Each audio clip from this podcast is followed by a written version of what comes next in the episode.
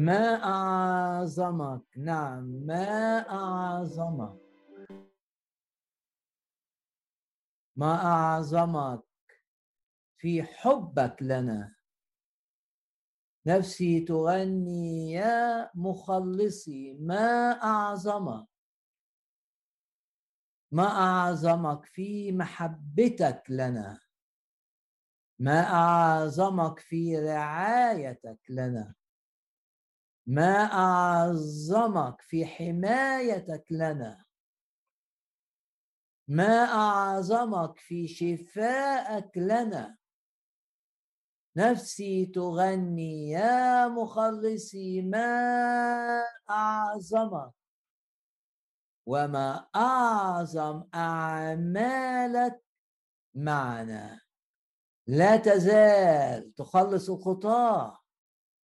لا تزال تغير النفوس.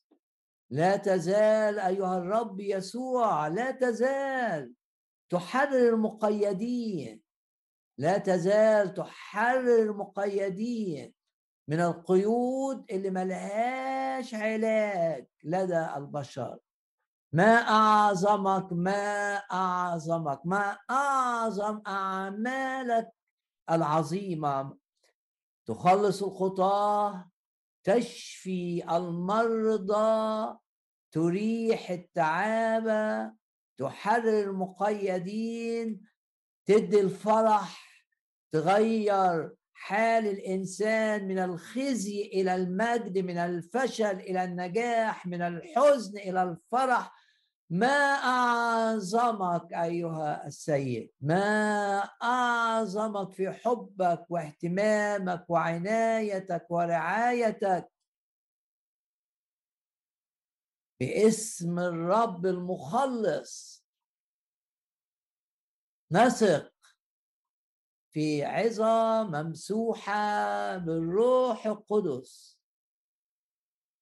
ممتلئة بالكثير والكثير جدا من كلام النبوة من كلام العلم من كلام الحكمة. مؤيدة بعمل الروح القدس. عمل واضح للروح باسم الرب يسوع.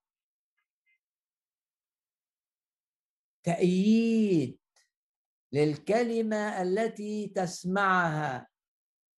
بشفاء ليك من مرض بتحرير ليك من قيد باسم الرب يسوع. وإن كنت مريضا بص للرب وقول له أنت طبيبي أنت الطبيب الأعظم. وصدق إن الرب يعطيك الشفاء. و بطرس يقول في أعمال الرسل يشفيك يسوع المسيح يشفيك يريحك. متألم تعال إلى الرب. عندك مرض صعب تعال إلى الرب هو الطبيب الأعظم. يشفيك يسوع المسيح. وضع يدك على مكان المرض. عشان تعلن إنك أنت مصدق إن الرب هيلمس هذا الجزء. إن الرب هيزيل منه الألم. إن الرب يشفيه من المرض. حتى لو مرضك ليس له شفاء لدى الأطباء. كلمة الرب تقول. أنا رب بيقول لك أنا هو الرب شافيك ده كلمات الرب اللي نقلها لينا موسى في سفر الخروج. كلمات عظيمة. بطرس في أعمال الرسل يقول يشفيك يسوع المسيح. ويعقوب في رسالته يقول صلاة الإيمان تشفي المريض. وبطرس في رسالته الأولى مش بس في أعمال الرسل اتكلم عن الشفاء. في رسالته الأولى وقال بحبه شفينا. وده كان اقتباس من كلمات سفر الشعية أصحاح 53 اقفل عينيك كده واشكر الرب من أجل أنه يهتم بصحتك الجسدية. اقفل عينيك كده واشكر الرب يسوع لأنه يهتم بمشاعرك مش بس بجسدك. الجسد زي ما بيقول الرسول بولس إن الجسد بتاعنا ده للرب لخدمة الرب. مش للخطية مش للنجاسة مش للزنا. الجسد في رسالة كورنثوس الأولى بولس يقول ليس للزنا الجسد للرب. بص لجسدك كده وقول جسدي ده لخدمة الرب. جسدي ده لطاعة الرب. جسدي ده أعيش بيه. على هذه الأرض وحياتي تبقى شاهدة للرب. الجسد للرب. كملت الآية الرب للجسد. الرب لشفاء الجسد المريض. الرب لتقوية الجسد الضعيف. والآية في سفر أشعية تقول يعطي. الرب بيدي آه. الرب بيدي قوة يعطي المعيا قدرة ولعديم القوة. يديله شدة كثيرة يكسر الشدة. جسدك ضعيف قرب لجسدك لتقوية جسدك. ما تستسلمش للإحساس بالضعف. قول كده حينما أنا ضعيف فحينئذ أنا قوي أستطيع كل شيء أستطيع أن أطيع الرب. أخدم الرب مهما كانت التحديات والإعاقات. أستطيع أن أحيا في القداسة مهما كانت الضغوط ضغوط العالم. أستطيع أن أحيا في الفرح مهما كانت تأثيرات الأحداث. أستطيع كل شيء. ليه؟ كمل الآية. لأني في المسيح الذي يقويني. ارفع إيدك كده وقول أنا بالرب. يعظم انتصاري على الشر يعظم انتصاري على المرض يعظم انتصاري على الحزن يحزن يعظم انتصاري على المخططات الشيطانية اللي ضدي. يعظم انتصارنا بالذي أحبنا. باسم الرب يسوع. معاه. نبقى دائما. قول دائما. في الارتفاع زي ما الكلمة بتقول. ارفع إيدك مرة كمان كده وانت فرحان ومبتهج وتقول آه أنا بالرب يعظم يعظم انتصاري. على الشر على الشيطان خطط إبليس ضدي تكون كالعدم تكون كلا شيء. أي أذى جاي عليا يتحول إلى خير لي. زي ما حصل مع يوسف يحصل معايا. قول كده باسم الرب يسوع يعظم انتصاري على الخطط الشيطانية المؤذية. يعظم انتصارنا بالذي أحبنا. يعظم انتصاري على القلق. أنت قلقان من جهة المستقبل؟ سلم المستقبل للرب. وقول المستقبل ده في إيدك أنت وأنت بتحبني كل الأمور ستكون ستكون قول كده بإيمان ستكون لخيري. كل الأمور بلا استثناء. يعظم انتصاري على القلق على الهم على الخوف. ليه أخاف؟ الروح القدس يعمل فيك. اطلب عمل الروح القدس. اطلب إن تختبر امتلاء الروح القدس الامتلاء بالروح القدس. اطلب إنك تختبر الامتلاء بالروح القدس. في فرق بين واحد قبل أن يمتلئ وبعد أن يمتلئ. في فرق.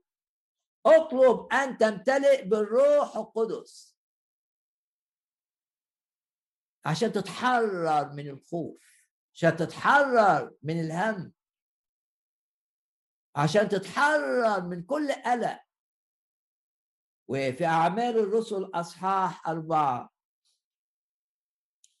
لما بطرس ويوحنا رجعوا من المواجهة الصعبة بعد المعجزة اللي اتعملت باسم الرب يسوع ده أعمال الرسل أصحاح أربعة. وتعرضوا لتهديد بطرس ويوحنا من رؤساء الكهنة وشيوخ الشعب. ولما أطلقا أتيا إلى رفقائهما.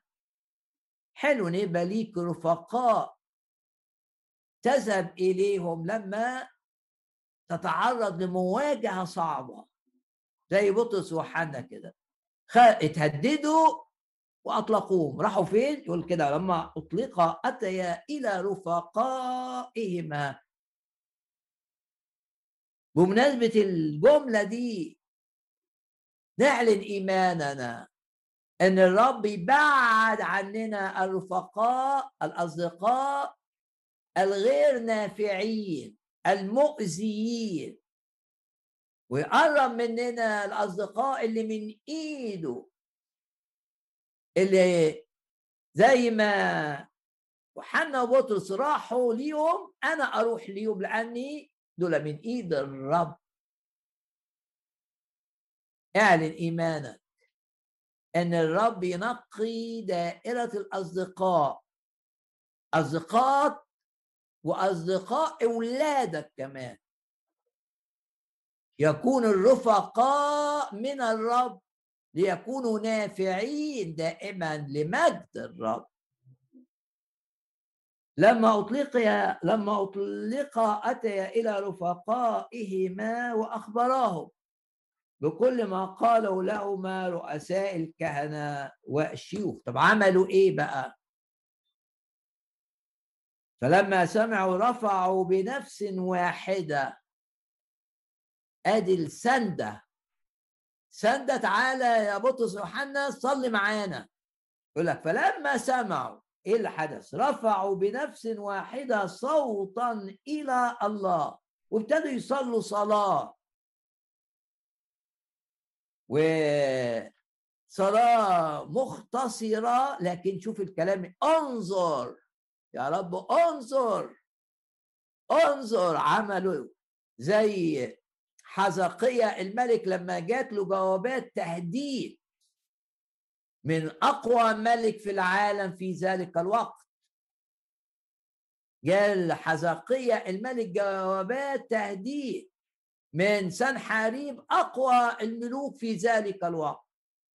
استسلم افتح المدينة وإلا هندمرها ونقتلك و و و وعمل إيه؟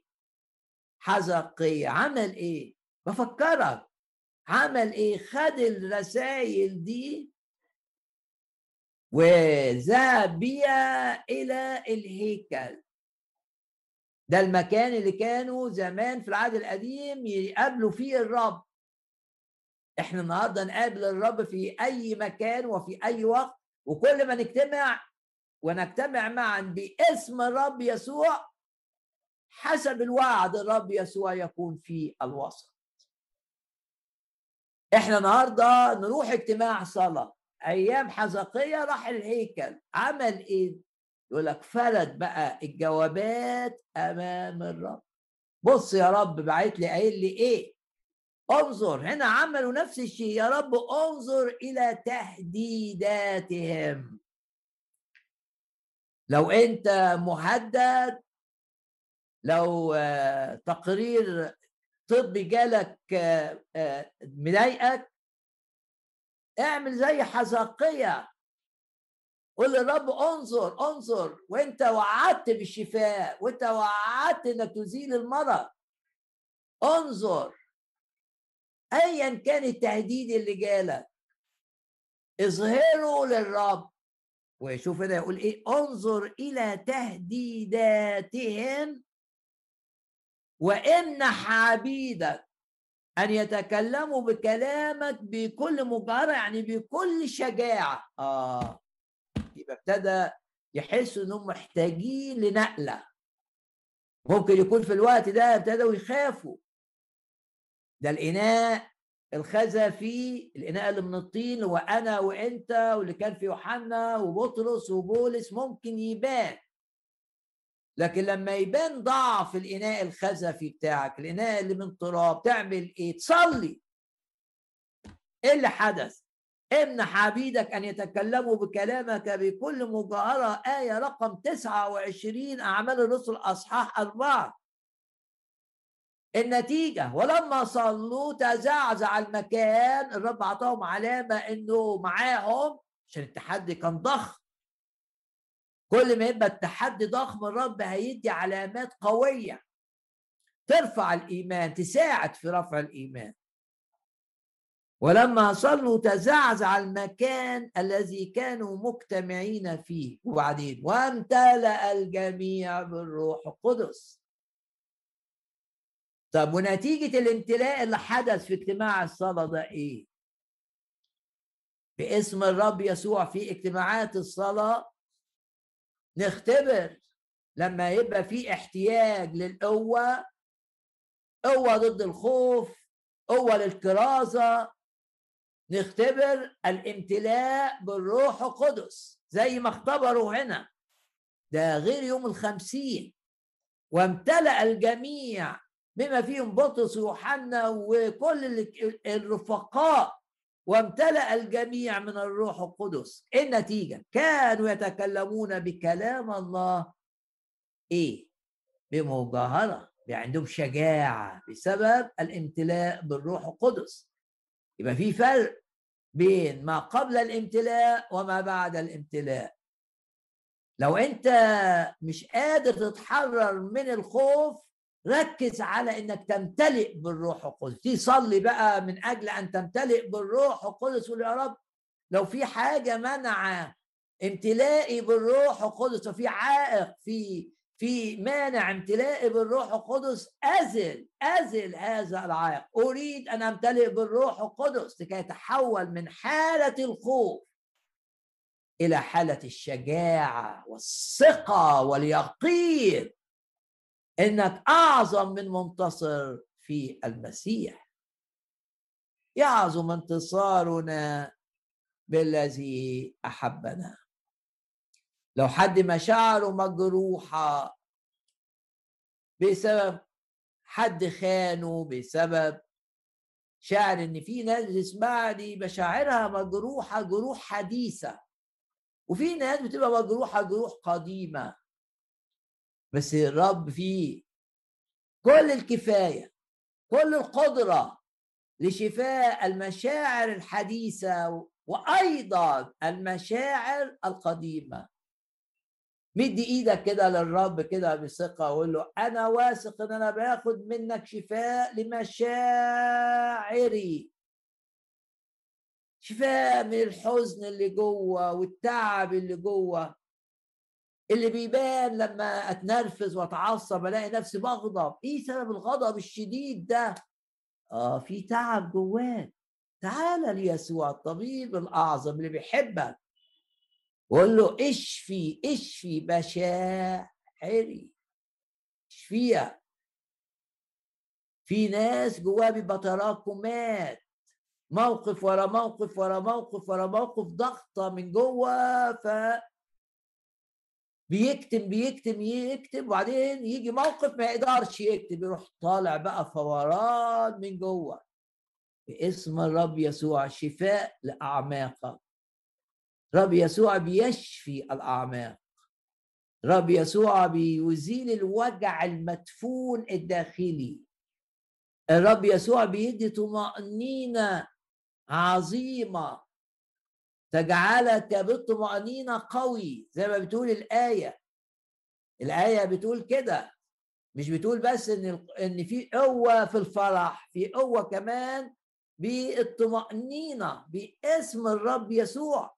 ناخد طمأنينة لأن الآية بتقول بالهدوء والطمأنينة تكون قوتكم رب يعظم العمل معانا.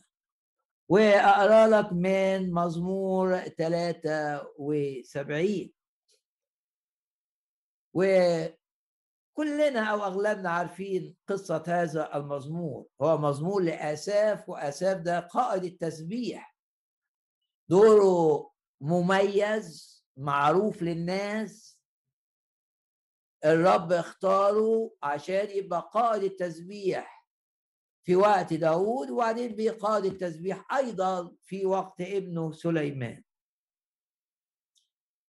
وبيقول في آية 2 أما أنا فكادت تزل قدماي. يعني آه يعني خلاص هقع لولا قليل لزلقت خطواتي. يعني بيني وبين إن أنا اقع مفيش لولا قليل. والسبب زي ما أغلبنا عارفين إنه ابتدى يغير من ناس غير مؤمنين ويقارن نفسه بيهم وبعدين بقى الشيطان ابتدى يشتغل معاه ويصور له إن دول سعداء قوي وانت أنت بتخدم الرب وأنت مضحي من أجل الرب وانت وانت وأنت وأدي حالك وأدي حالهم ابتدى يغير منهم وابتدى مخه يقول فين الرب؟ وفين الرب العادل؟ وفين الرب الصالح؟ وزي ما في أيام ملاخي لما كانوا بيسالوا أين إله العدل؟ بالمقارنات. ممكن الشيطان يستغل تفكيرك وأنت بتقارن في ان يخليك تشكك في صلاح الرب. في ان الرب بار. لكن ارميا قال له ابر أنت يا رب ان أنا أعترض. أنا بس عايز عايز توضيح من حقك إنك تطلب الرب إنه يهديك إنه يكلمك. كن صريح مع الرب. هنا بيبدأ المزمور إنما صالح الله. يعني قبل ما يحكي اختباره بيقول لا الرب صالح. صالح يعني إيه؟ يعني رائع. رائع. يعني إيه صالح يعني كامل كامل في حبه في عدله في بره.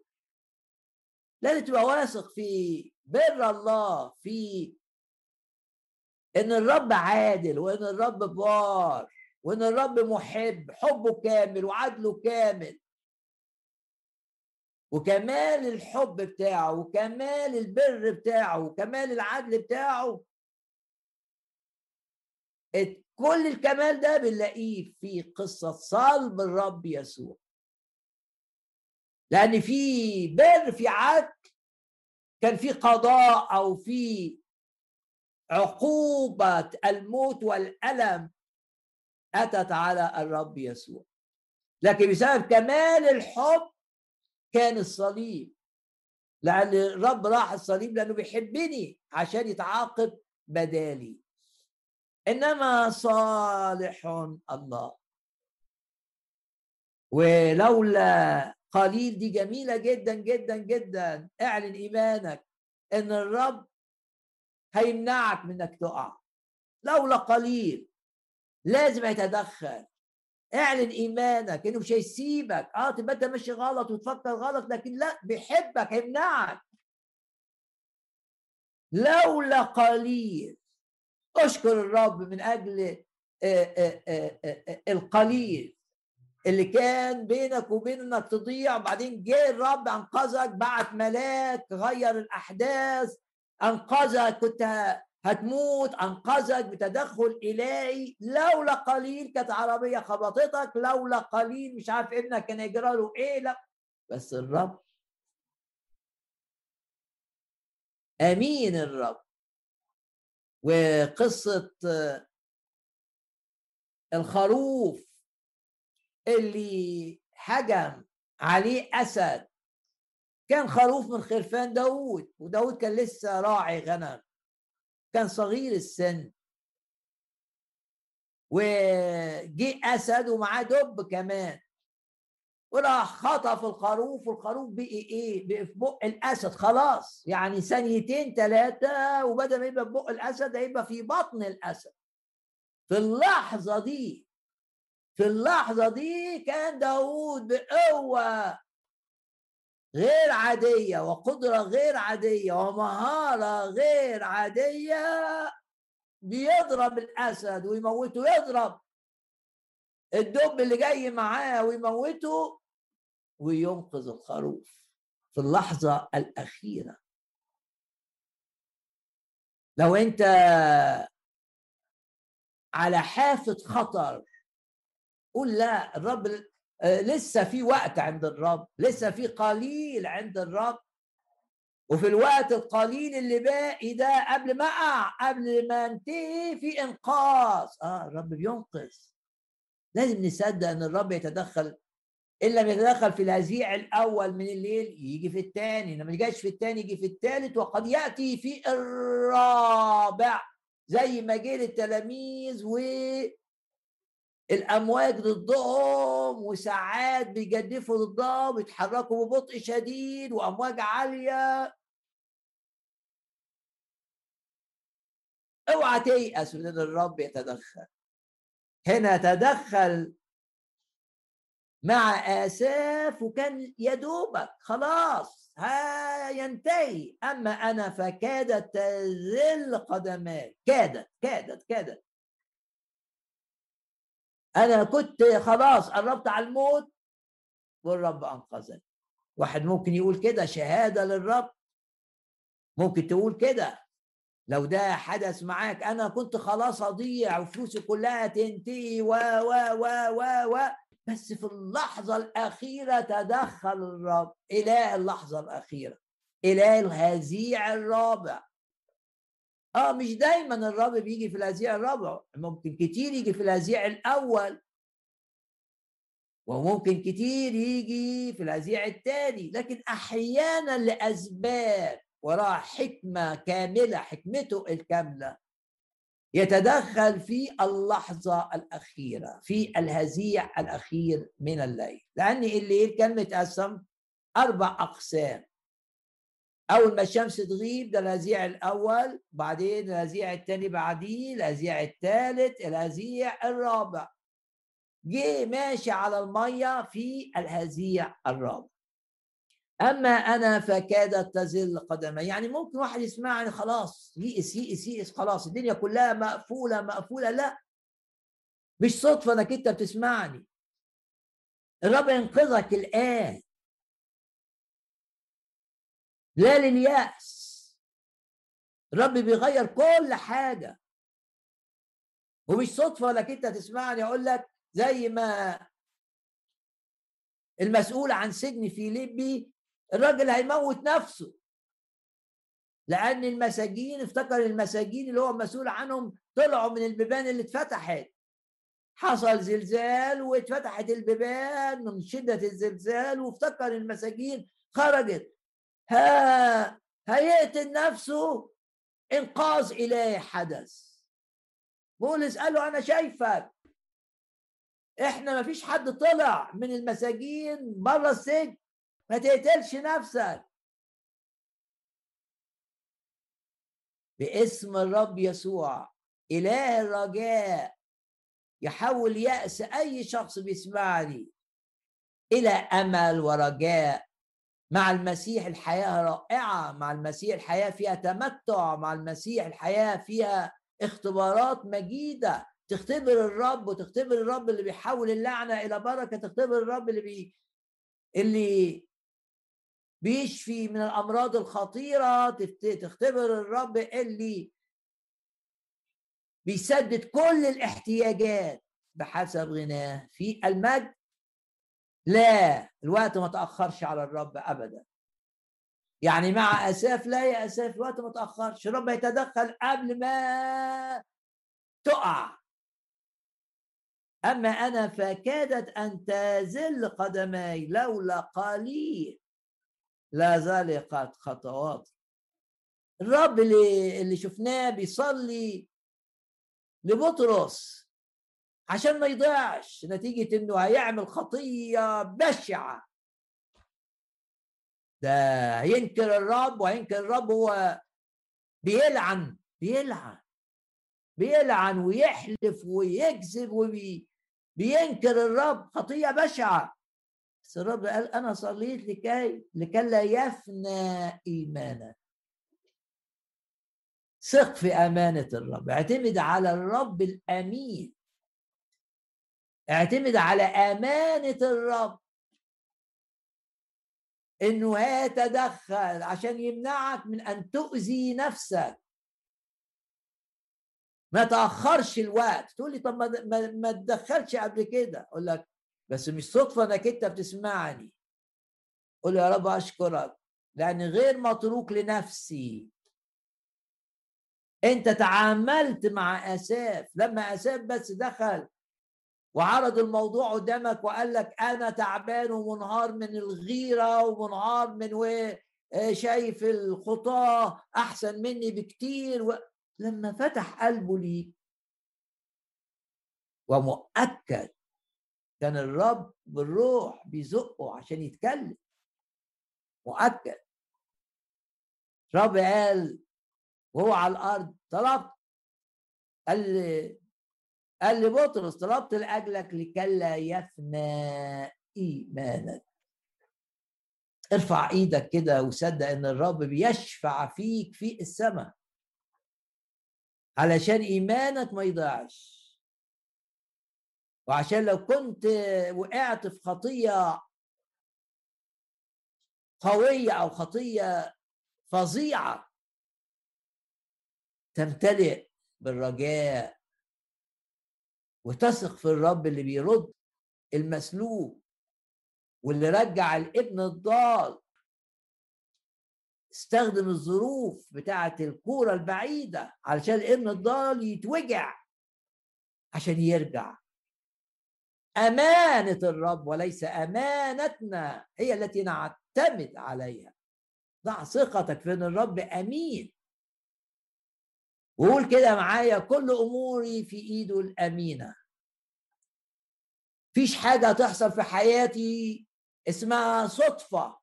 فيش حاجة تحصل في حياتي اسمها مشيئة فلان أو مشيئة المدير أو مشيئة صاحب المصنع. فيش حاجة في حياتي إلا ويتحكم فيها الرب من أجلي. قول كده بثقة. كل أموري في إيدك أنت. قول للرب كده. ولأن كل أموري في إيدك. أنا واثق. أنا واثق أنك تحفظني من أخطائي وتحفظني من نفسي. وزي ما يا عبيد صلى تحفظني من الشر علشان ما يتعبنيش. دي أمانة الرب. مزمور 73 ويقول له في آية 24 برأيك تهديني يعني تقودني. ارفع إيدك وقول الرب يقودني. الرب يقودني يتحكم في تفكيري يتحكم في مشاعري يتحكم في كل ما يحدث. من أجل أن أكون في مشيئتي يقفل باب ويفتح باب عشان أبقى في مشيئته. النهارده وبكرة والآخر يوم لي على هذه الأرض. ده الآية معناها كده. برأيك تهديني تقودني كمالتها وبعد إلى مجد يعني والترجمة ممكن تبقى وبمجد تأخذني وممكن تترجم كمان وبعد المجد تأخذني. يعني الرب هيمشي معايا كده من مجد إلى مجد. ولما يقول حياتي على الأرض انتهت سواء بالاختطاف. ونقول كده نعم يا رب تعال عشان نريد. المؤمن مش بيفكر ويتوقع الموت. المؤمن دائما يتوقع الاختطاف لأن الاختطاف ممكن يجي وأنا بتكلم الوقت. إنما سواء بكده أو بكده أنا من المجد إلى المجد الأعظم. هللويا لأنه بيقودني. برأيك تقودني. النهارده وبكرة وبعده وبعده ومن بعد المجد ده تأخذني. وهنا بيقول له أمسكت بيدي اليمنى. وغمض عينك كده وتخيل نفسك كده إيدك اليمين كده ماسكها الرب وماشي معاك خطوة خطوة. يفتح قدامك البيبان المقفولة. يشيل جبال من سكتك. بس ماسك بإيدك يعني شاعر بيه. يا رب ادينا دائما الإحساس إنك أنت معانا وادينا دائما الإحساس إنك ماسك بإيدنا. وادينا إحساس يا رب إنك لا تتركنا لأخطائنا ولا تتركنا لنتائج أخطائنا وتحول اللعنه حتى التي بسببنا إلى بركة وتخرج لنا من الجافي حلاوة حتى لو جافي ده أنا. وتخرج لنا من الآكل اللي بيدمر. أكل طعام أشكرك وأعظمك واباركك تعال معي الآن إلى رسالة بولس الرسول إلى كنيسة كلوسي الأصحاح الرابع. إحنا بندرس مع بعض هي مش دراسة. بمعنى بمعنى إنها دراسة آه، عميقة. لا هي رسائل أكثر وعنوان السلسلة رسائل من رسائل لينا من رسائل السجن. دي رسائل عملتها بعتها بولس وهو في السجن. بس فيها كم من التشجيع فهي رسائل مشجعة من رسائل السجن أو زي عنوان السلسلة تشجيعات من رسائل السجن. ووقفنا في الأسبوع الماضي في الأصحاح الأخير من آه، رسالة آه، كلوسي. وقلنا آه، رسالة فيها تشجيع كتير كتير قوي. والأصحاح الأخير في الرسالة فيه تشجيع كتير قوي. ورسائل السجن الأربعة فيهم تشجيع كتير قوي وهم الرسائل الأربعة افسس وكلوسي وفيليبي دول ثلاث كنائس في ثلاث مدن. مدينة فيهم في منطقة اليونان حاليا اللي هي فيليبي. ومدينتين في تركيا الحالية اللي هي آسيا زمان آسيا الصغرى اللي هي واحدة على البحر واحدة جوه اللي على البحر أفسس واللي جوه كلوسي الرسائل الأربعة دول مليانين رسائل لينا. رسائل لينا إيه؟ مشجعة. تشجيعات من آه، رسائل السجن.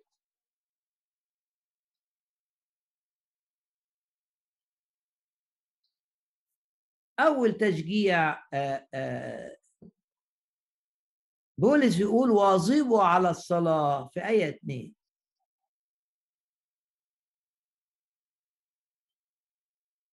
واظبوا على الصلاة. ساهرين فيها بالشكر يعني امزج الصلاة بالشكر. وزي ما بيقول بولس آه، في برضه رسالة السجن رسالة من رسائل السجن. إيه اللي بيقولوا في رسالة فيليبي ما تشيلش هم أي حاجة. طب زي ما تشيلش هم أي حاجة.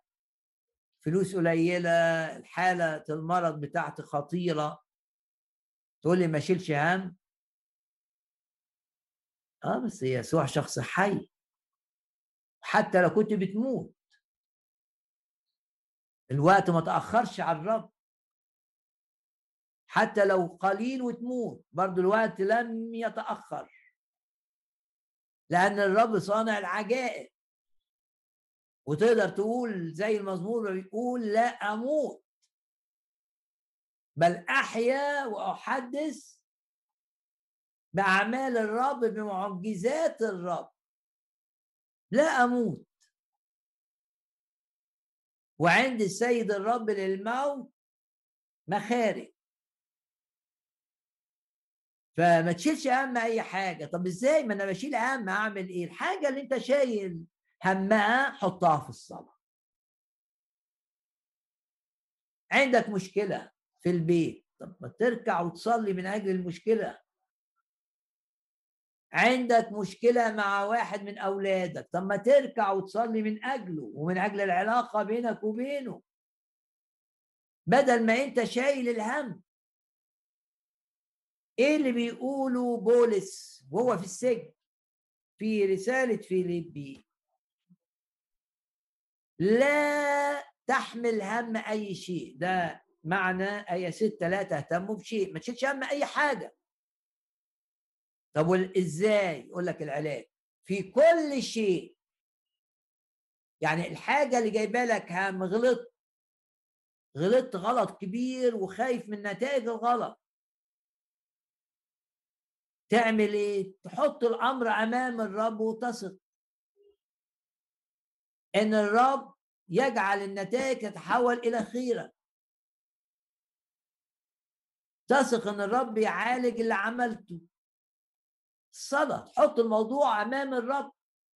تلاقي نفسك وأنت بتصلي فين الهم؟ راح. في كل شيء بالصلاة والدعاء. الدعاء يعني صلوة محددة. يعني أقول للرب مثلا أنا فلوسي اتسرقت. طب أصرف الشهر ده إزاي؟ دي طلبة. ابعت لي فلوس. دي طلبة محددة. إنما لما أقول له يا رب سدد كل احتياجاتي. دي طلبة دي عامة طلبة عامة اسمها صلاة. الطلبة المحددة اسمها دعاء أو طلبة. لا تهتموا بشيء بل في كل شيء بالصلاة والدعاء مع الشكر. يبقى تشكر الرب تقول اشكرك لأنك هتحل مشكلة الحاجة اللي اتسرقت مني. أشكرك لانك هتعالج الغلط اللي عمل الدكتور فيا. أشكرك لأني أنت هتعاملني بالنعمة في الموقف ده. أشكرك لأنك أنت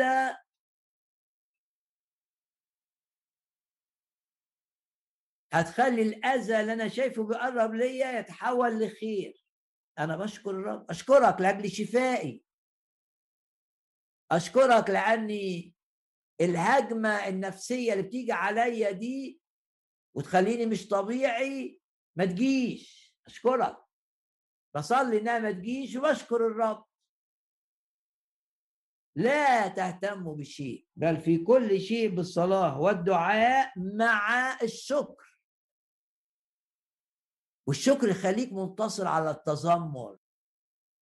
لا هتتذمر ليه ما انت عارف ان الحاجة اللي هتسلمها للرب الرب بقى يشتغل هنا وهنا وهنا وده مع ده مع ده والموضوع ده مع مواضيع تانية حصلت و ويبقى الخير آمين. لا تهتموا بشيء بل في كل شيء بالصلاة والدعاء مع الشكر. هنا بيقول لهم واظبوا برضو لكنيسة كلوسي على الصلاة. ساهرين فيها بالشكر. طيب فين التشجيع بقى؟ تشجيع في الحتة اللي جاية مصلين في ذلك لأجلنا. يا بولس محتاج لصلوات المؤمنين اللي زينا كده. أنت تقول لي أنا مش بولس؟ أقول لك آه بس أكيد زي مؤمن من المؤمنين اللي كانوا في كنيسة كلوسي. بولس محتاج لك. ده تشجيع عظيم. بولس محتاج لصلواتك ده تشجيع عظيم. إنك أنت تشعر إن ليك دور في خدمة بولس. ودورك الأساسي وأنت لوحدك بتصلي. في مخدعك. مصلين في ذلك لأجلنا. نحن أنا والفريق بتاعي. ليه؟ ليفتح الرب لنا بابا للكلام. عشان أصر الرب كما يجب أن أتكلم. تشجيع ليا وليك إن إحنا نصلي من أجل الخدام الرعاة اللي نعرفهم. الكارزين اللي زي بولس عشان الرب يفتح ليهم بباب ليفتح لأجلنا. نحن أيضا ليفتح الرب لنا بابا يدينا فرصة. ما الخادم محتاج أبواب تتفتح له. كيف تفتح الأبواب؟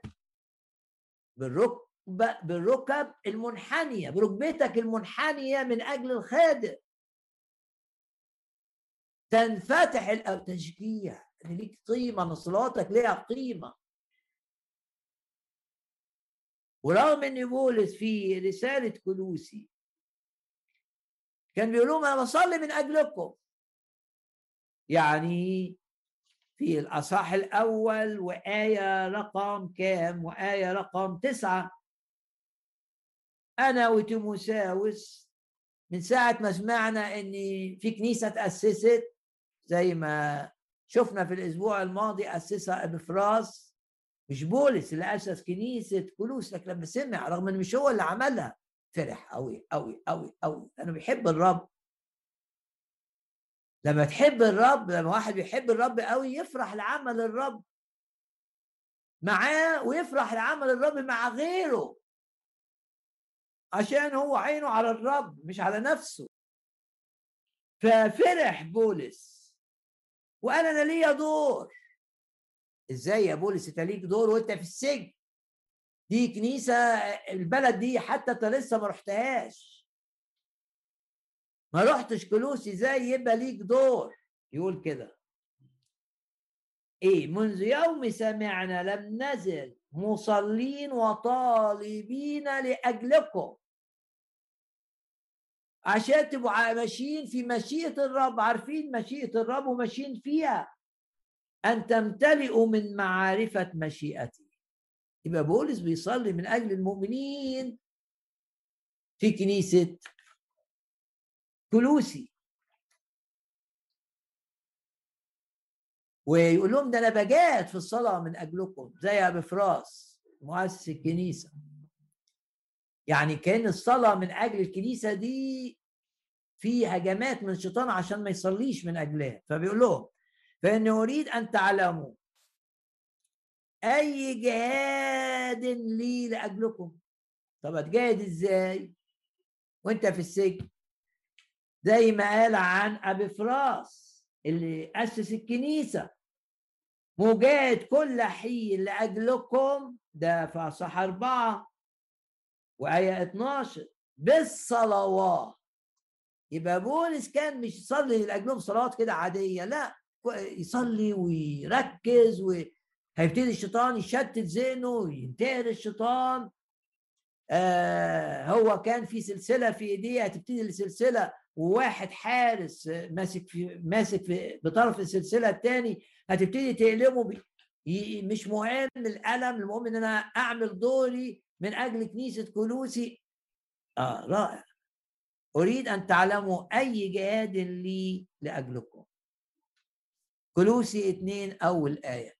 يعني هو بيصلي من أجل دول لكن في نفس الوقت شاعر إنه محتاج لصلواته كنيسة محتاجة لصلواته الخدمة محتاجة لصلواته عمل الرب اللي أنت شايفه أو ليه علاقة بيك محتاج لصلاتك. كم تصلي من أجل الخدمة اللي أنت تعرفها اللي أنت تسمع عنها. اسأل نفسك هذا السؤال. ده تشجيع. الرب يقول لك صلاتك من خلالي لا قيمة عظيمة عشان البيبان تتفتح. واظبوا على الصلاة. سائرين فيها بالشكر مصلين في ذلك لأجلنا نحن أيضا. ليه؟ يعني مش تصلوا آه علشان موضعكم بس لا صلوا من أجل الرسول. بولس اللي ما أسسش الكنيسة بتاعتكم؟ لكن بيحبكم. مصلين في ذلك لأجلنا. نحن أيضا ليفتح الرب لنا بابا للكلام. بعدين شفنا في الأسبوع الماضي تشجيعات من خلال الأسماء اللي كاتبها الرسول بولس.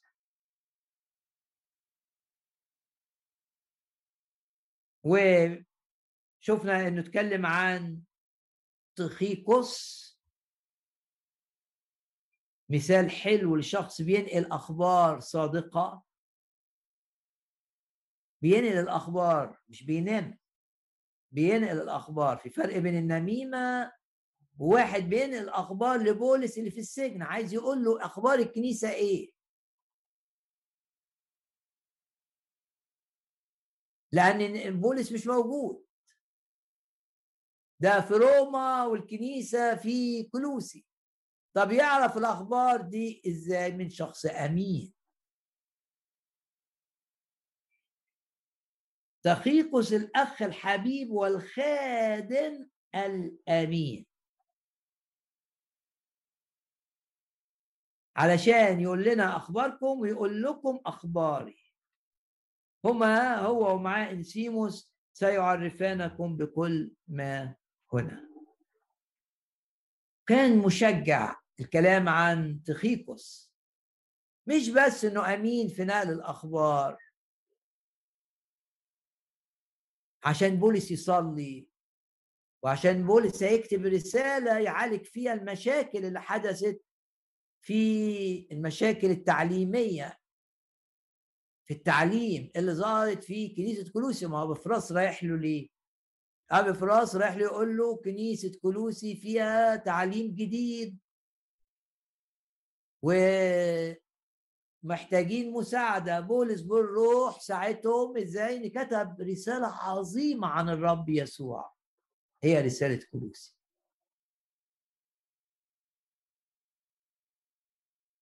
عشان يبقى في انتصار وانتهاء انتصار على تعليم الغلط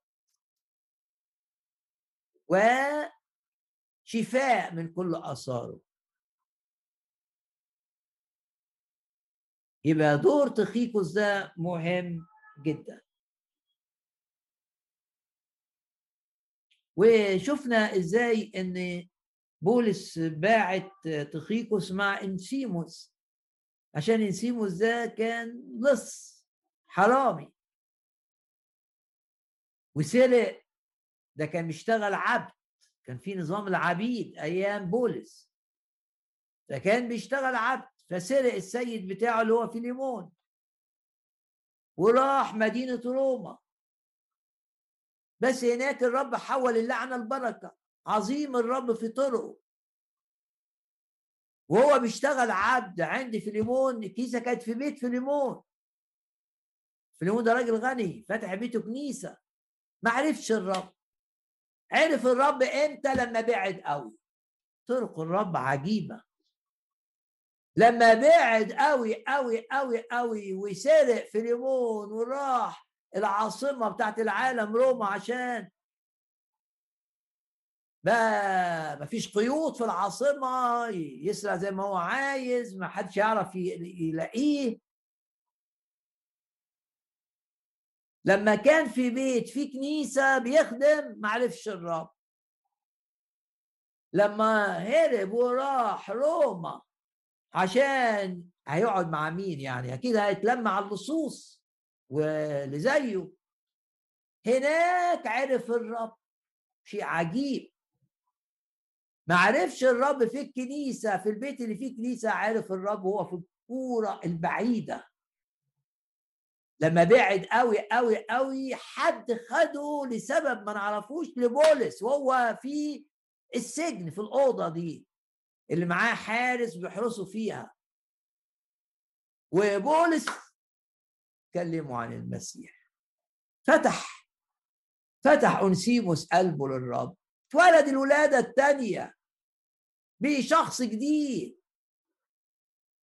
وشخص جديد عايز يصلح الغلط اللي عمله عايز يرجع يشتغل عبد عند الراجل اللي قرب منه خلاص بأمين حياته اتغيرت اتجدد. الشخص اللي بيفتح قلبه للرب بيتغير. وحاجات تقع شخصيته تختلف. والنور نور الرب العجيب. يدخل قلبه. ويبقى شخص جديد. مش معنى كده إنه ما بيغلطش. إنما حياته الغلط يبقى أمر عارض أمر استثنائي. لكن هو فرحان بيسوع. وأي حد يراقبه مع الوقت يقول ده اختلف. اونسيموس راجع. بس يرجع لوحده؟ لا. بولس اهتم أن يرسل معه يخلي تخيكوس اللي هو المسؤول الأول عن الكنيسة يرجع ياخد في ياخد معاه أونسيموس. الذي أرسلته إليكم آية 8 على تخيكوس مع أونسيموس وفكرك إن اونسيموس مكتوب عنه هنا إيه؟ الأخ الأمين الحبيب. بينما تخيكوس مكتوب عنه الأخ في آية سبعة الحبيب الأمين. افكرك إن في اختلاف. إن تخيكوس اولا حبيب جاية في الأول وبعدين الأمين اثنين أما أنسيموس الأخ الأمين اولا وبعدين الحبيب ثانيا. الحبيب يعني محبوب. طب ليه قال مع أنسيموس الأمين اولا؟ عشان يقول لك الرب عايز يأكد يركز. إنه لم يعد لصا لا يسرق السارق فيما بعد. خلاص. سوى غير حياته. مش هيمشي مش هيمشي في النجاسة. لا. مش هيتلذذ في الخطية لا. مش هيبقى مدمن لأفلام جنسية لا. يسوع دخل حياته يسوع حرره. بيه إيه؟ أول حاجة تميزه إيه؟ إن بيه أمين. ليه أول حاجة تميزه؟ لأن كل الناس عارفة إنه كان حرامي. وسرق السيد بتاعه اللي اشتراه من سوق العبيد. باسم الرب يسوع. ده تشجيع غير عادي. باسم الرب يسوع. نشوف ناس بتتغير. تغييرات واضحة. تدي المجد للرب يسوع. اوعظ عن الرب لكن أعظم عظة الشخص اللي اتغير. واللي اتقابل مع الرب واتغيرت حياته. دي أعظم عظة مؤثرة. يبقى آه عندنا اسمين تخيكوس وأنسيموس. وبعدين يسلم عليكم بقى. وهنا بيقول آه ست أشخاص. ثلاثة أصلهم دول مع بولس يعني مقيمين جنب السجن ده أوضة السجن. بيروحوا له بيساعدوه. فبيقول يسلم عليكم ثلاث أشخاص. جنسيتهم يهودية وثلاث أشخاص جنسيتهم غير يهودية. آه ده بقى إيه؟ الرب اللي بيجمع. لأن اليهود زمان كانوا يكرهوا غير اليهودي يعني لو واحد غير يهودي عايز يساعدهم يقولوا له نو حتى لو هيموت ما ياخدش مساعده من واحد غير يهودي كان الغير لما واحد يهودي يسافر يروح الأرض الثانية ويرجع ده شغلانة لازم يتطهر وعشان رجليه لمست الأرض بتاعت غير اليهود. كان بس شوف دول ثلاثة يهود وثلاثه غير يهود عرفوا الرب بقوا مع بولس. الرب بيكسر الأسوار أسوار التعصب. ده بيعرف يسوع وده بيعرف يسوع بيتقابلوا رغم إن ده كان من شعب عدو للشعب ده وتاريخ قديم ولا حوالين الرب الحواجز اللي بيننا بتقع. وارفع إيدك كده وقول اي حواجز في بيتي تقع اي حواجز بين الناس في كنيستي تقع.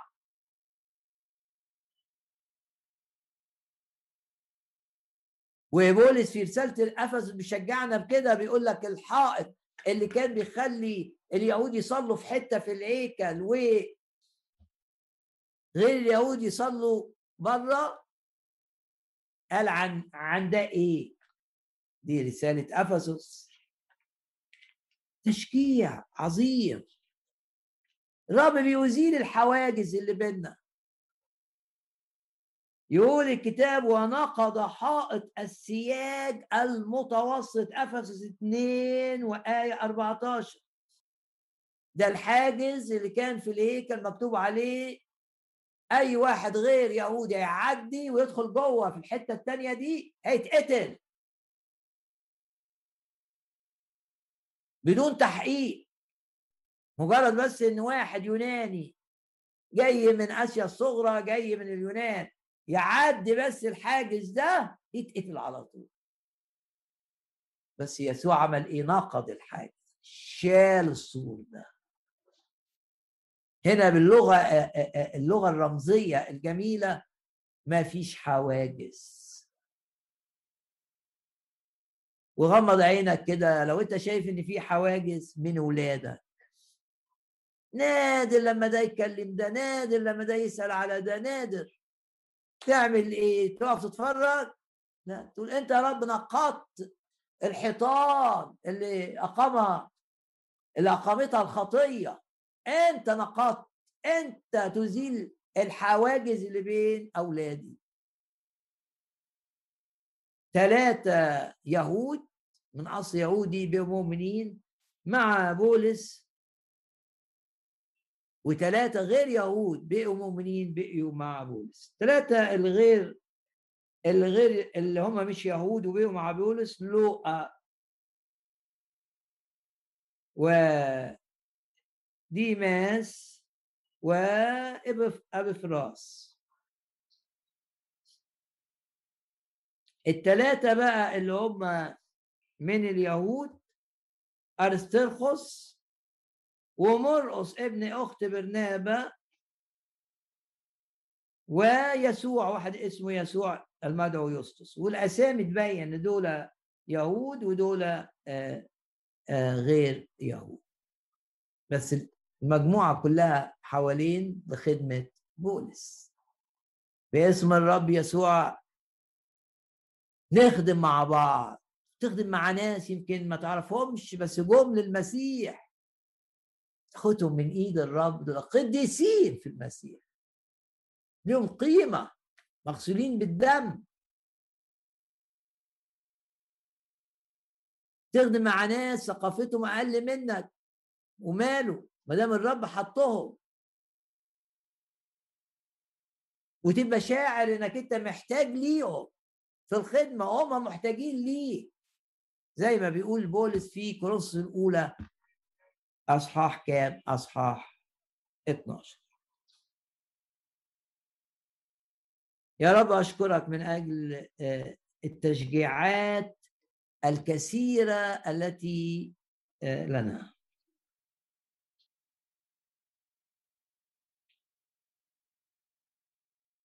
تشجيع من خلال اسم. شفنا في الأسبوع الماضي تشجيع من خلال أبي فراس. وفي اللي قبله شفنا تشجيع من خلال أونسيموس. هنشوف تشجيع من خلال مرقص يسلم عليكم أرسلوخس المأسور معي يعني حاسس مش معناه إنه معاه في السجن يعني يعني رابط نفسه ببولس السجين. ومرقص ابن أخت برنامج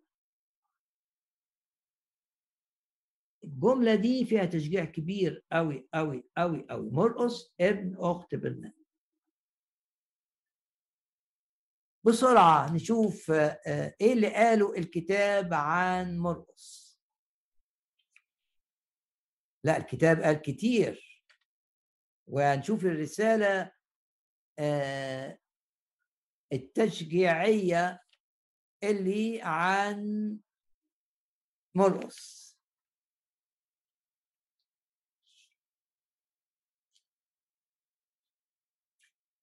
أول إشارة كانت لما آه، بطرس طلع من السجن. لما بطرس طلع آه، من السجن يقول الكتاب إيه اللي حدث؟ ثم جاء وهو منتبه بطرس إلى بيت مريم أم يوحنا الملقب مرقص. يبقى هنا آه، مرقص ده ليه اسمين. و أمه عندها بيت كبير فالكنيسة كانت تجتمع في هذا البيت. يعني نقدر نقول من عائلة غنية. وفاتحه بيتها للرب. باسم الرب يسوع. بيوتنا بيوتنا بيوتنا تستخدم لخدمة الرب. جاء وهو منتبه إلى بيت إيه؟ إلى بيت مريم. أم إيه أم يوحنا.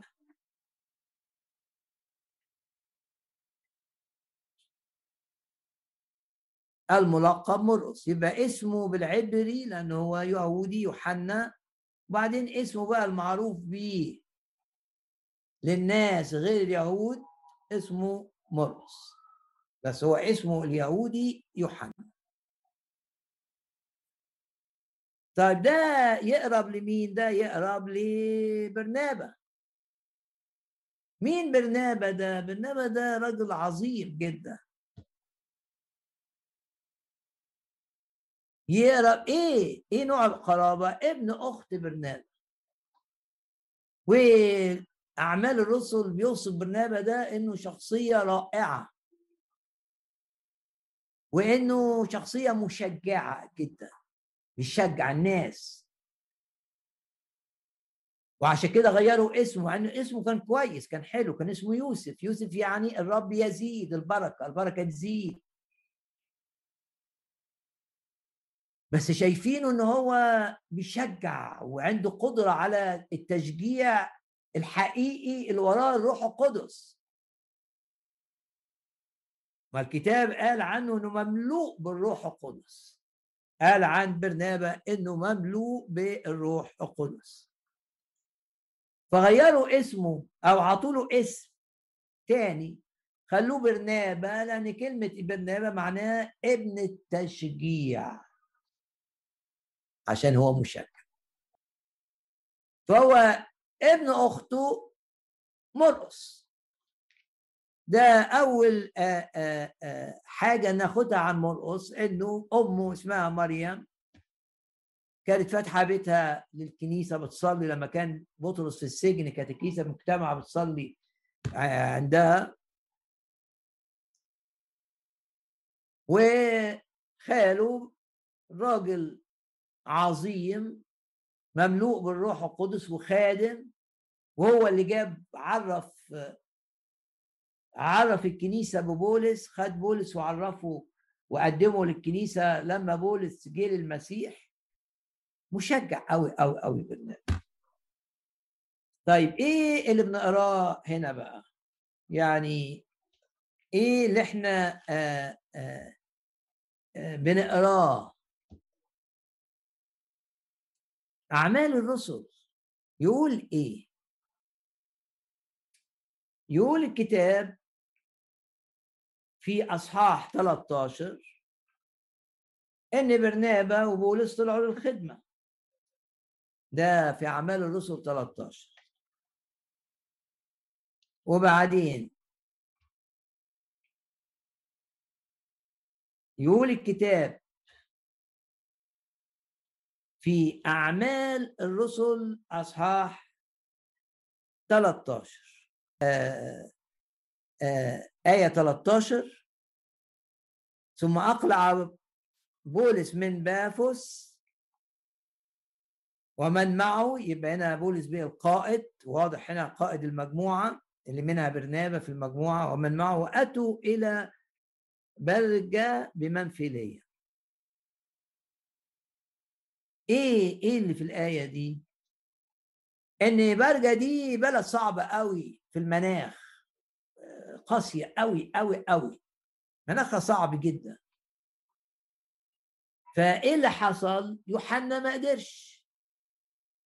ما لما بولس وبرنابا طلعوا للخدمة برنابا وبولس خدوا معاهم مرقص. ده تلاقيه في أعمال الرسل 13 آه يقول كده الكتاب؟ إن خدوا معاهم مرقص. طيب بس مرقص ما احتملش القسوة بتاعة بنفيلية يعمل إيه؟ أما يوحنا اللي هو مرقص. ففارقهم ورجع إلى أورشليم. يبقى ساب بولس وبرنابا في المكان الصعب ده وراح بقى رجع لبيته. بيته مريح بيته فيه هناك يقدر يقابل أصحابه. كان صغير في السن مرقص. لأن بطرس بيقول عنه مرقص ابني. وغالبا لما كان آه، بيعملوا الاجتماعات دي عرف الرب عن طريق بطرس عشان بطرس بيقول عنه ابني في الرسالة بتاعته رسالة بطرس الرسول الأولى. يعني مرقس ده ابن بطرس. لأن بطرس جابه للمسيح. آمن من خلال بطرس فبيقول عنه بطرس بيقول عن مرقس مرقس ابني فهو شاب صغير صغير ما قدرش يحتمل الطقو الطقس الصعب بتاع آه، مدينة آه، برجة. ورجع. طب إيه فين بقى التشجيع اللي في مرقص لما تألف كده آه، لأعمال الرسل 15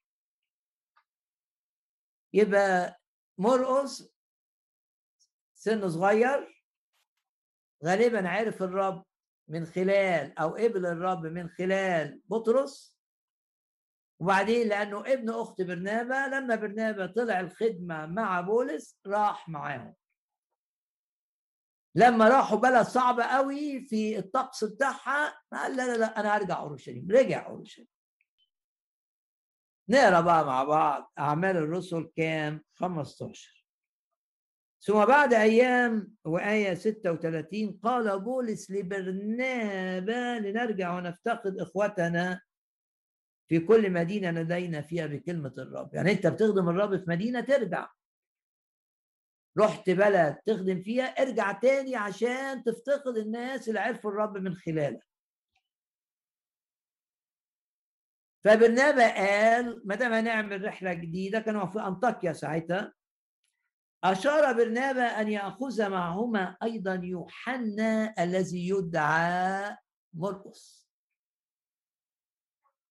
بس بولس ما كانش موافق على الرأي ده. ليه؟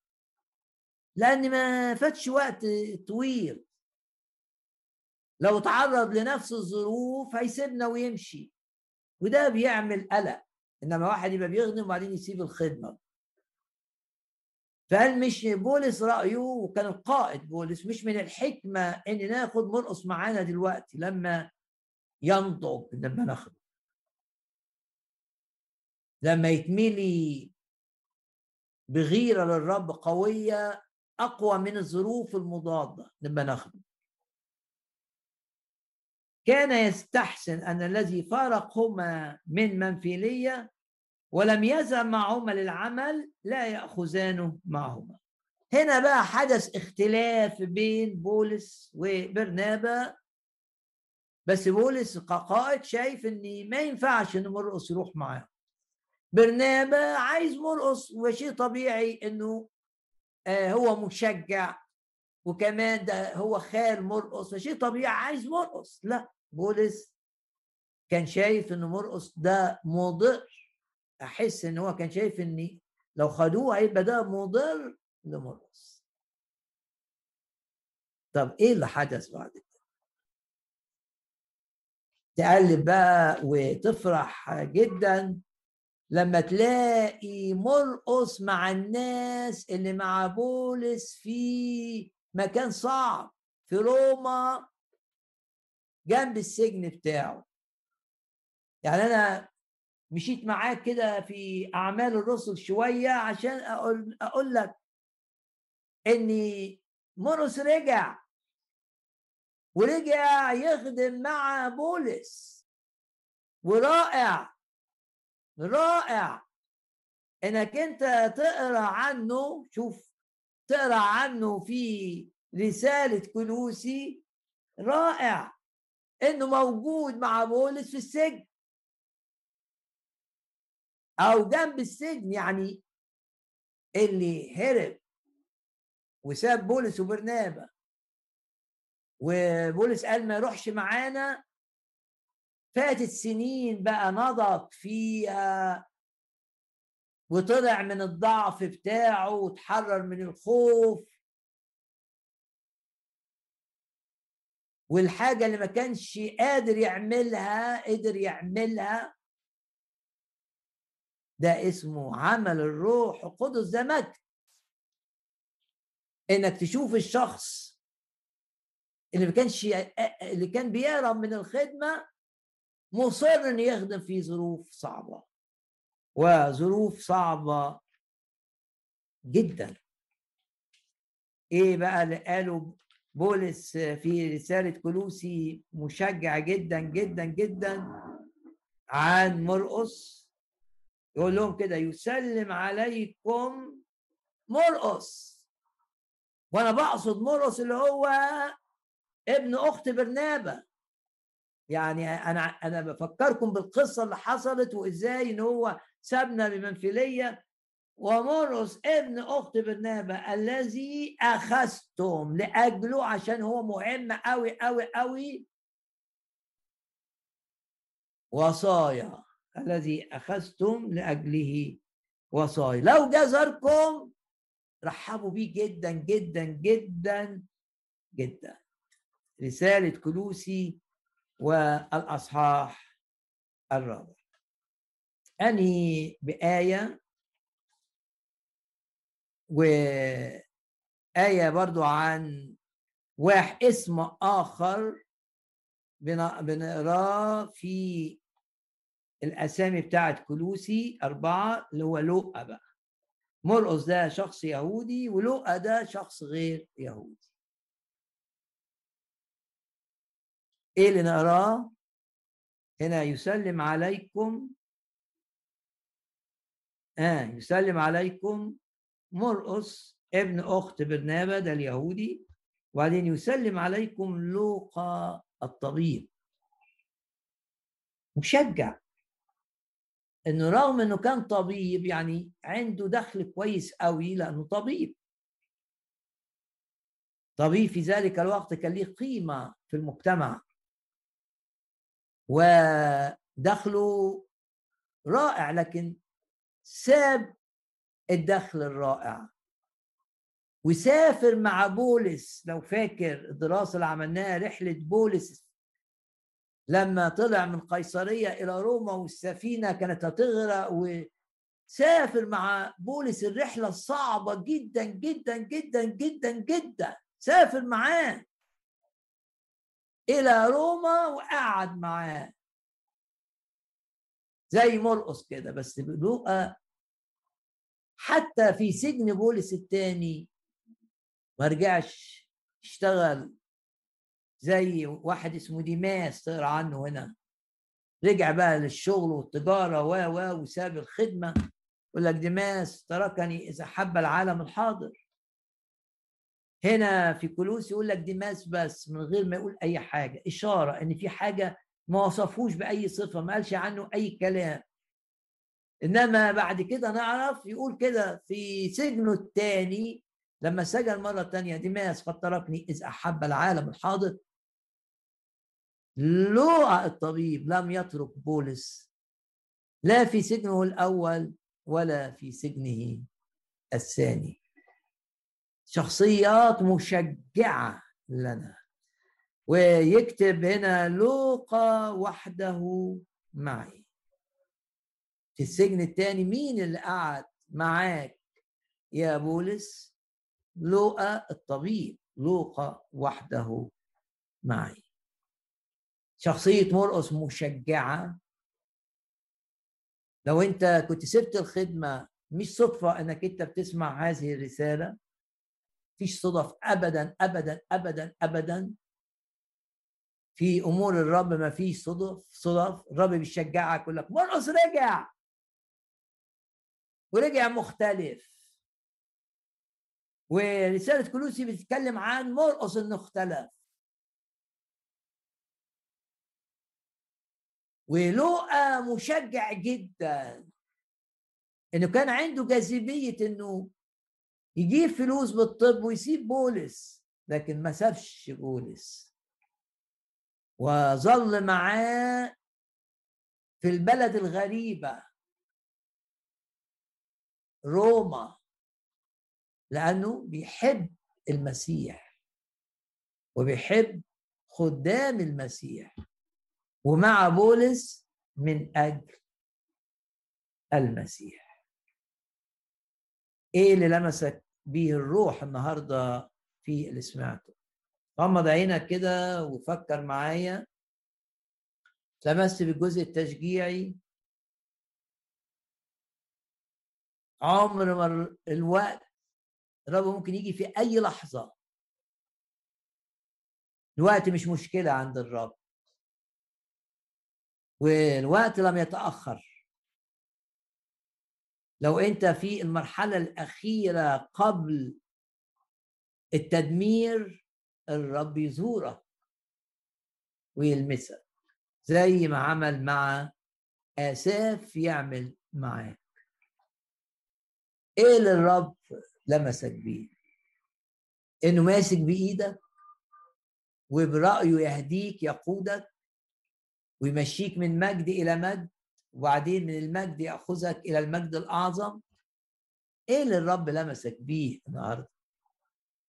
إيه الحاجة اللي لمستك إن تقاوم الهم بالشكر والصلاة. شيلش هم بل في كل شيء بالصلاة والدعاء مع الشكر. إيه اللي اتلمست بيه النهارده؟ إنك تصلي من أجل الخدمة ومن أجل الخدام. عشان البيبان تتفتح. زي ما بولس طلب انه يصلوا علشان يتفتح له باب للكلام يبقى عنده فرصة للكرازة إيه اللي الرب لمسك بيه النهارده؟ لمست الأسماء المشجعة تغيير من واحد حرامي لواحد أمين. آه الرب بيعمل كده. والرب يقدر يعمل معاك تغييرات عظيمة إن أردت. لو أنت عايز تتغير فعلا قول للرب أصرخ كده وقول أنا محتاج أتغير زي ما انسيموس اتغير. إيه اللي الرب لمسك بيه؟ رفقاء. يبقى عندك رفقاء حلوين من الرب. لما تبقى مضغوط تروح لهم بعدين يعملوا اجتماع صلاة معاك وتتملي بالروح. إيه اللي لمسك الامتلاء بالروح الروح يطرد الخوف ولا يعود يطرد الهم ولا يعود يطرد كمان الأمراض. امتلاء بالروح القدس. إيه اللي اتلمست بيه النهارده؟ شخصية مرقص. إزاي طلع للخدمة وهو صغير؟ فلقي إن هو ماشي في سكة صعبة قوي فرجع بس الرب الرب وراه. ورجعه تاني. ونلاقيه مع بولس في روما أصعب مكان. مش خايف. ولا خايف من قيصر بتاع روما ولا من الحراس اللي بيحرسوا بولس. وباعت اسمه يتكتب هنا يسلم عليكم مرقص. ابن أخت برنامج شوف بولس مشجع.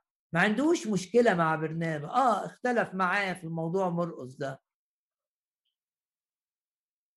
لأن برنامج كان عايز مرقص يكمل. وبولس قال لا لو كمل دلوقتي هيرجع تاني. لسه ما جاش الوقت. بس ما عندوش مشكلة مع برنابا بيذكره هنا وذكروا في رسالة غلطية. وقال ده زي قال كده في كورنثوس الأولى أصحاح آه تسعة على ما أعتقد. ما عندوش مشكلة. مش معنى إنك أنت اختلفت مع حد إنك تبقى شايل بقى باسم الرب يسوع؟ مفيش مرارة تبقى جواك تجاه أي شخص. انسى ما هو وراء. والرب يرمم العلاقات اللي بوظها إبليس باسم الرب يسوع. ويرجع مرقص لبولس بس على أساس صح. إنه نضج وإنه اتغير. إيه اللي الرب لمسك بيه النهارده؟ سلم حياتك للرب كده قول يا رب حياتي كلها في إيدك بيتي في إيدك أولادي في إيدك أنت تقولي كده أولادي في إيدك زوجي في إيدك الشغل بتاعنا ده في إيدك. آخد منك يا رب البركة بركات على رأس المؤمن لا لعنات على حياتي لا لعنات بعلن حماية الدم الثمين من كل ضربات شيطانية لا لعنات على حياتي بل بركات لأني أؤمن بالدم. دم الرب يسوع السمين. بركات. فيش لعنات في بركات. اشكر الرب إنه بيحميك. لا ينعس ولا ينام. يحفظك من كل شر. يحفظك من كل شر. يحفظك من كل شر. حماية مؤكدة. ثق في حماية الرب يبعت ملايكة عشان يحمينا. نباركك أيها السيد الرب ونعظمك نرنم بقى مع بعض.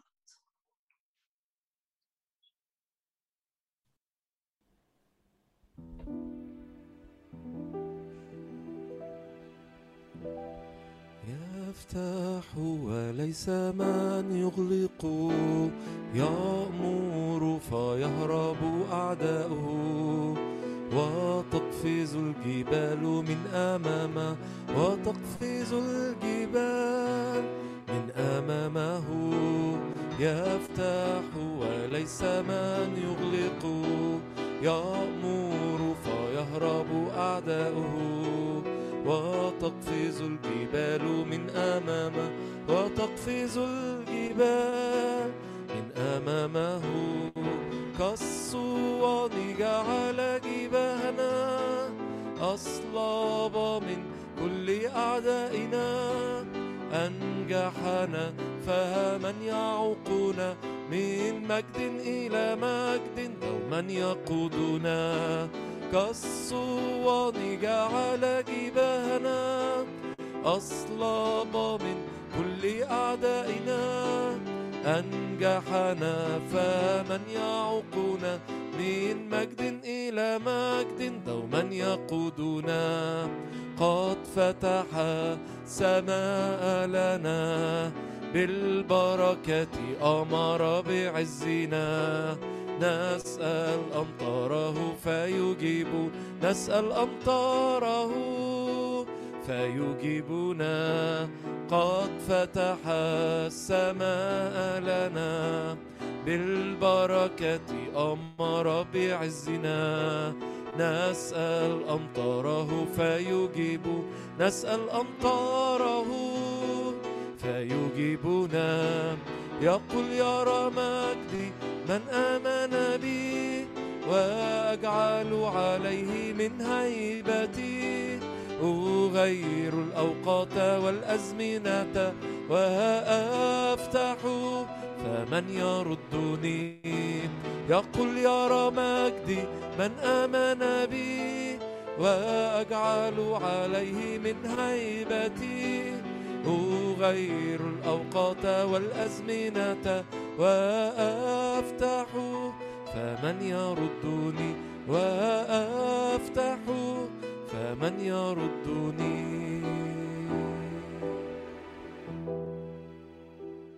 نعم يا رب نشكرك ونباركك ونعظمك تسير أمامنا والهضاب كل الهضاب تمهد.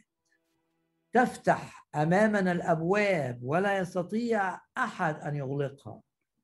نشكرك لأنك تكمل عدد أيامنا تفدي من الحفرة حياتنا. وكل ما نصنعه باسمك ننجح فيه.